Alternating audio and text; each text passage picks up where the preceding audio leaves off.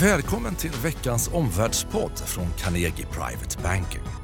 Torsdag den 19 september, klockan är 10.30. Vi gästas av en av våra aktiemäklare, Kalle Hedberg, eh, gästar oss för att tala om både Fed-besked och oljeoro på börsen. Vi kommer att prata om den kraftiga kapitalcirkuleringen, sektorrotationen och dessutom om ja, den starka eh, septemberbörsen som ångar på uppåt. Vad, vad är de operativa slutsatserna för aktieintresserade privata investerare? Välkommen till Omvärldspodden. Kalle, ska vi starta där jag slutade? Den här starka septemberbörsen. Börsen nu upp över 19 procent sedan årsskiftet. Jag tror att det är 11 procent på de senaste 21 börsdagarna. Samtidigt som vi har fått eh, ja, väldigt splittrade makrosiffror, splittrad makro, makrobild. Eh, från din horisont, vårt aktiebord, eh, vad är det som har drivit uppgången efter sommaren? Det är ju framförallt positiva signaler kring eh, handelsavtalet. Eh, Trump var ju till och med ute och öppnade för ett tillfälligt avtal där även om han inte föredrog den varianten så, så öppnade den ändå upp för den möjligheten.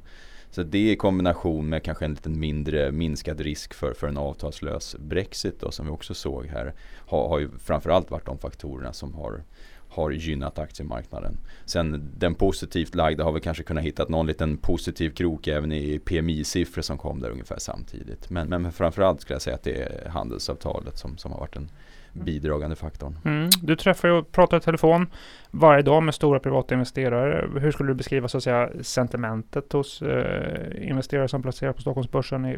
Vad, vad är riskviljan? Vad är riskaptiten? Överlag god skulle jag säga faktiskt. Och det har nog att göra en hel del med att eh, man har ju blivit eh, lite, lite räddad vid tidigare nedgångar. Det har visat sig vara rätt att köpa i princip på, på alla de här eh, tillfälliga nedställen. Så att, eh, jag tror att det har, har gett en trygghet till, till investerare att det, det, kommer nog kunna fortsätta så en tid till. Mm. Om överlag god säger du, tycker, hur, hur är det bortser börsens investerare från ändå en viss osäkerhet om konjunkturläget och konjunkturen framåt? Ja, men det, det, får man väl säga att man gör ändå och det har väl lite grann att göra med det här historiska mönstret som vi har haft åtminstone de här senaste fyra åren.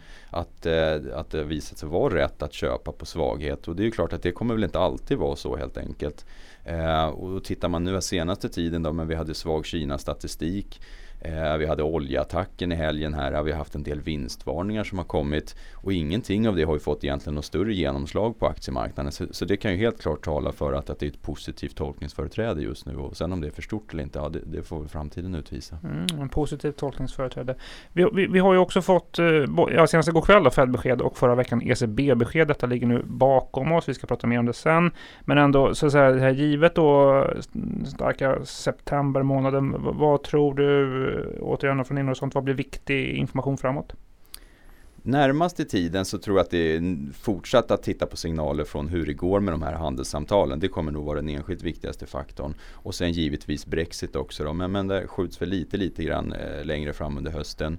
Mm. Eh, och när vi kommer in i oktober, ja men då blir det ju givetvis bolagsrapporterna. Och där blir det ju väldigt intressant att se om bolagen börjar, börjar visa några tecken på en svagare efterfrågan. Eller om de guidar för en svagare efterfrågan för, för kommande kvartal. Just det, och bolagsrapporterna kommer i mitten av oktober ungefär va? Precis i den här miljön, eh, vilka sektorer tror vi på, på framåt eh, under fortsättningen av hösten? Jag skulle säga om man tittar på, på, sektorer som helhet så är det väl fortfarande så att det är defensiva sektorer som, som är mest intressanta eh, om man ser en hel sektor. Och det är väl för att det inte är fullt så påverkat just av de här lite svagare konjunktursignalerna där. Mm. Så det är defensiva sektorer som du eh, pekar ut i det här. Givet eh, den här bedömningen och givet marknadsläget, eh, vilka investeringsråd skulle du ge till aktieintresserade investerare? Det, det, är ju att det blir mer och mer viktigt att verkligen hitta rätt bolag. Det är som vi har pratat om vid tidigare tillfällen att det är en stockpicking miljö just nu. Det, det går inte riktigt att köpa en bransch bara på samma sätt som det kanske har gjort tidigare i en, i en en starkare marknad. Utan det är mer viktigt att hitta rätt bolag Eh, sådana bolag som har en möjlighet att av egen kraft då kunna växa intjäning och resultat och snabbare än vad den underliggande marknaden gör. Att man inte bara är beroende av att, att den växer. Just det. Och också på det här området har vi naturligtvis spännande aktiecase, spännande investeringar som våra rådgivare pratar mer om med de som är kunder hos eh, Carnegie Private Banking. Om vi går vidare till den andra frågeställningen och pratar om det här med att, så att säga, kapitalet har ju då cirkulerat rätt ordentligt också på Stockholmsbörsen under hösten. Det blir en global företeelse. Den här sektorrotationen, den har nästan varit en extrem trend eh, sista tiden och ö, också över tid de sista tre månaderna. Ehm, eh, ja, var, jag hörde någon här som pratade just vid aktiebordet om att de inte sett en sån här stark sektorrotation på kanske tio år och den har ju gått då från fastigheter till bank och, och från tillväxtbolag till värdebolag. Eh, hur, hur, skulle du beskriva rörelserna och drivkrafterna bakom?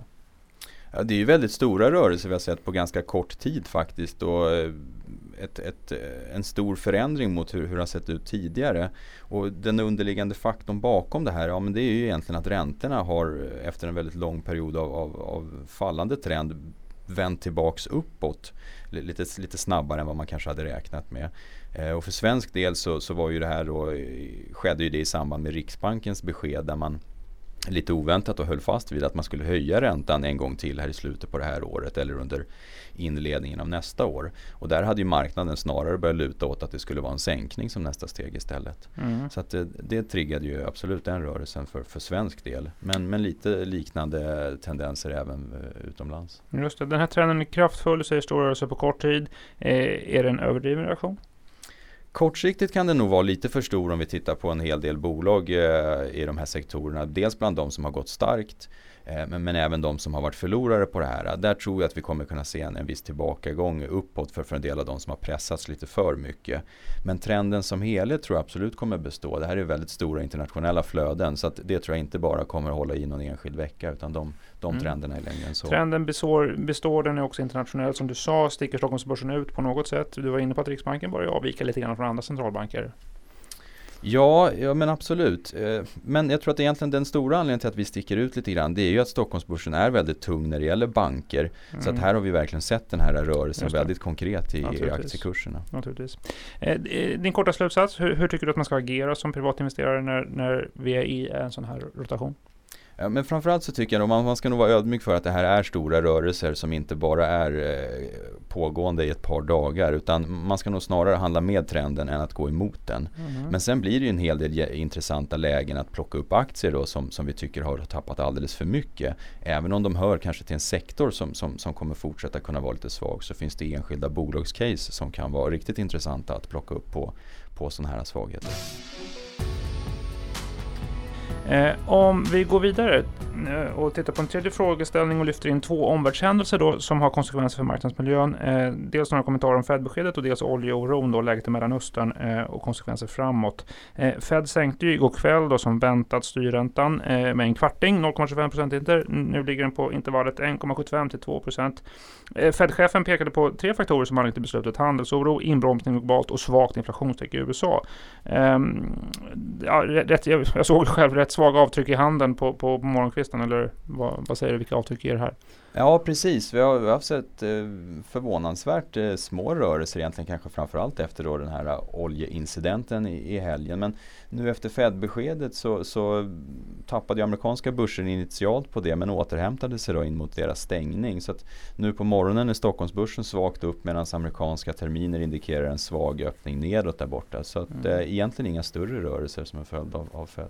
Nej, Fed signalerar de ska inte ha en sänkning under hösten här. Det tror ju marknaden på. Tror att det där kan spela roll framåt? Ja, men lite, lite kan det väl göra det. Men, men det visar framförallt på en väldigt oenig eh, Fed-direktion där. Så att, eh, lägger man ihop det hela så, så, indikerar de ju att, att det inte blir någon mera sänkning här utan eh, att, att det är oförändrat framöver. Men att man lägger, lägger ändå till att vid behov av en svagare ekonomi så kommer man kunna göra ytterligare sänkningar. Så att mm. det ger nog ändå ett stöd till aktiemarknaden att man har den tryggheten i att veta att de kommer agera om det behövs. Fed will cover your back. Eh, lite grann ungefär så som du tycker. Men intressant är 7 mot 3 i direktionen i omröstningen. Så det är ju en mer splittrad direktion.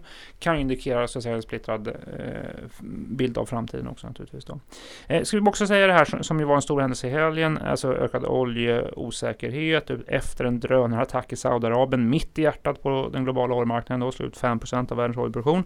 Eh, massor med frågor om det här förstås. Hur allvarliga skadorna? Hur lång tid tar det att reparera eh, produktionsapparaterna? Vad är risken för nya drönarattacker? Och förstås då så att säga responsen från Saudi och USA.